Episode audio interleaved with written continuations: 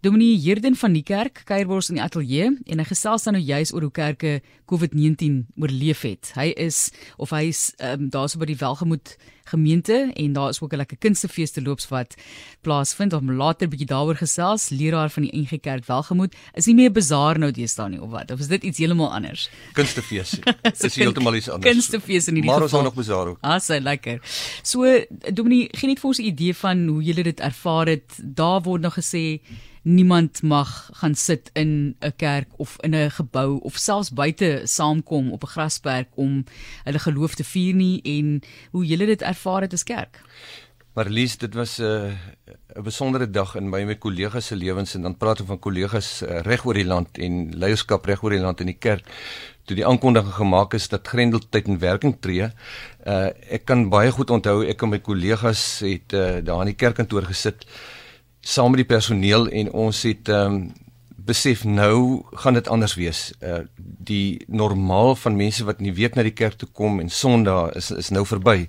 Uh ek kan onthou hoe ons saam gestaan het, opgestaan het, gebid het en uh interessant net ek is daar na huis toe so my kollegas ook met 'n houtkruis onder die arm, 'n videokamera, uh nagmaaltoerusting die bord en die beker want voortaan sou inderdaad soos jy sê, kerke se deure gesluit wees en so opnames van die huis af gedoen word. En dit is as jy gelukkig is en jy die toegang tot daai tegnologie en jou kan ek maar sê groep van mense wat kom en altyd by julle hulle geloof ontvang het ook toegang tot daardie tegnologie. Baie mense het dit nie, baie ouer mense dink ek het nie toegang gehad nie. Ja. Ja. Ek is ek bly hier raak die punt aan. Dit is inderdaad so. Daar is verskillende kontekste en in ons geval was dit inderdaad so. Maar kerke het baie kreatiewe planne gemaak. Uh dit het baie gevat van sommige kollegas om die boodskap uit te kry. Uh op ver afgeleë gebiede waar die sein swak is of daar geen sein is nie, is daar kreatiewe planne gemaak. Die selfoon het hier 'n groot rol gespeel.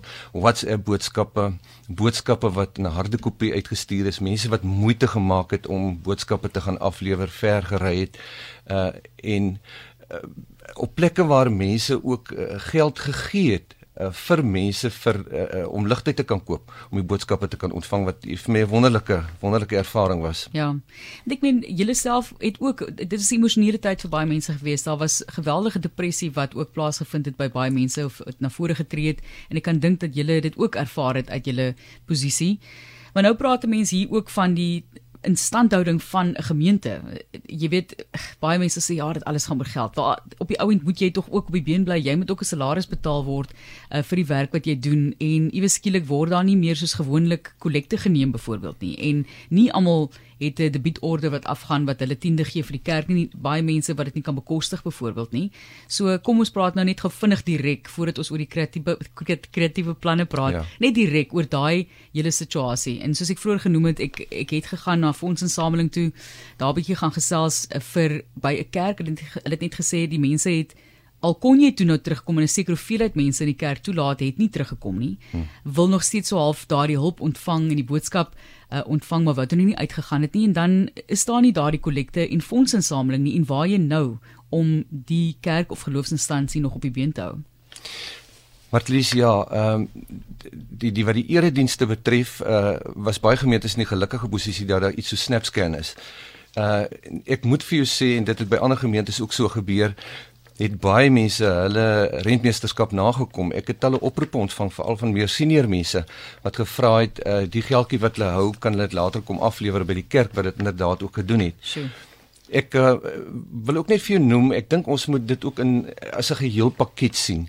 Uh die motivering wat gekom het deur die eredienste, maar belangrik ook uh die bewusmaking wat daar was in die gemeentes en in die gemeenskap, veral deur die barmhartigheidsarm van die kerk. Mense wat daar betrokke geraak het, behoeftes geïdentifiseer het en dit het gelei tot sekere kreatiewe pogings uh om om mense te help. Uh, as ek een of twee of drie van hulle mag noem binne die gemeentegrense en ek wil nie net fokus op binne die gemeentegrense nie, ook buite die gemeentegrense was dit uh, merkwaardig om te sien hoe mense aangeraak is deur die woord tot 'n nuwe roepingsbesef gekom het, hulle eie broosheid besef het, interafhanklikheid besef het en kontak gemaak het met mense op verskillende maniere, mense wat in nood is, mense wat is, geliefdes het wat siek is in die hospitaal is, wat afgesterf het. Ehm um, om hulle op te soek by hulle huise te gaan kos aflewer, medisyne te gaan aflewer, foonoproepe te maak, daardie ondersteuning te gee. So dit was 'n uh, geestelike ondersteuning, 'n uh, emosionele ondersteuning, uh en dan uit die aard van die saak het verwys na na die leraars. Dit was selfs baie stresvol vir die leraars ook, vir pastore.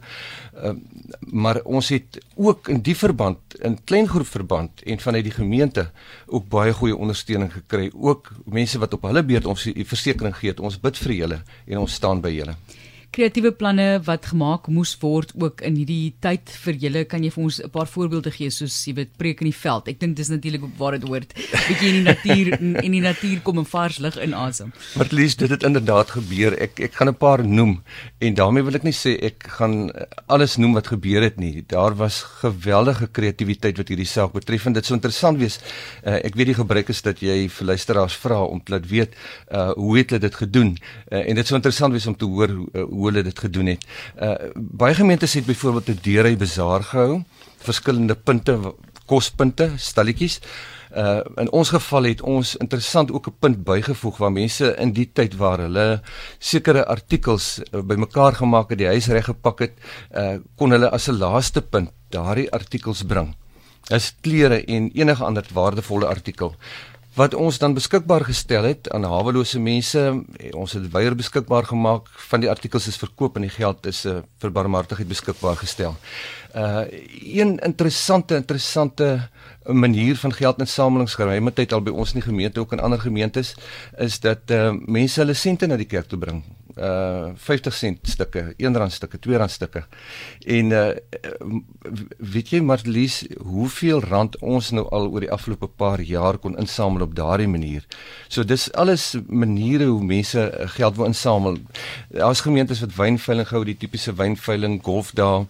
Ehm uh, en dan uh, ja oor die oor die eredienste jy gepraat van in die veld nê nee? ja. Uh, ja die inry teater konsep uh, ek dink dis dis dis 'n interessante ene wat ek gehoor het 'n sekere gemeente gedoen het ek wonder of dit daar van die Amerikaanse politiek afkom dis mos hoe hulle op die ou en daai Amerikaanse rallies gedoen het nê nee? later ja, ja, ja. in die motors ja ja ja ja ja ja hier is 'n SMS wat ook deurgekom het iemand sê prins Alfred Hamlet se dominee Jan het blokkies raaisels by die aftreeoor daarso afgegee en daar was ook 'n prys vir die wenner het ook oor die heining die inwoners moet ingepraat en vrugtepakkies uitgedeel. Fantasties om so direk betrokke te raak. Dit wys dit vir jou dis daai eenvoudige ding nê en om vir mense om iemand se gesig te sien en net 'n gesprek met iemand te kan voer So gesels met ons oor wat die leraars in jou area gedoen het en geloofsinstellings hoe hulle op die been gebly het, hoe hulle dit vir jou gedien het in daardie periode van tyd.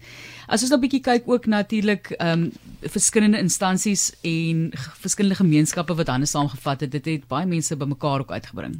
Baie belangrike aspek wat na vore gekom het, eh uh, die besef dat ons interafhanklik van mekaar is en dat ons dinge nie op ons eie moet doen nie.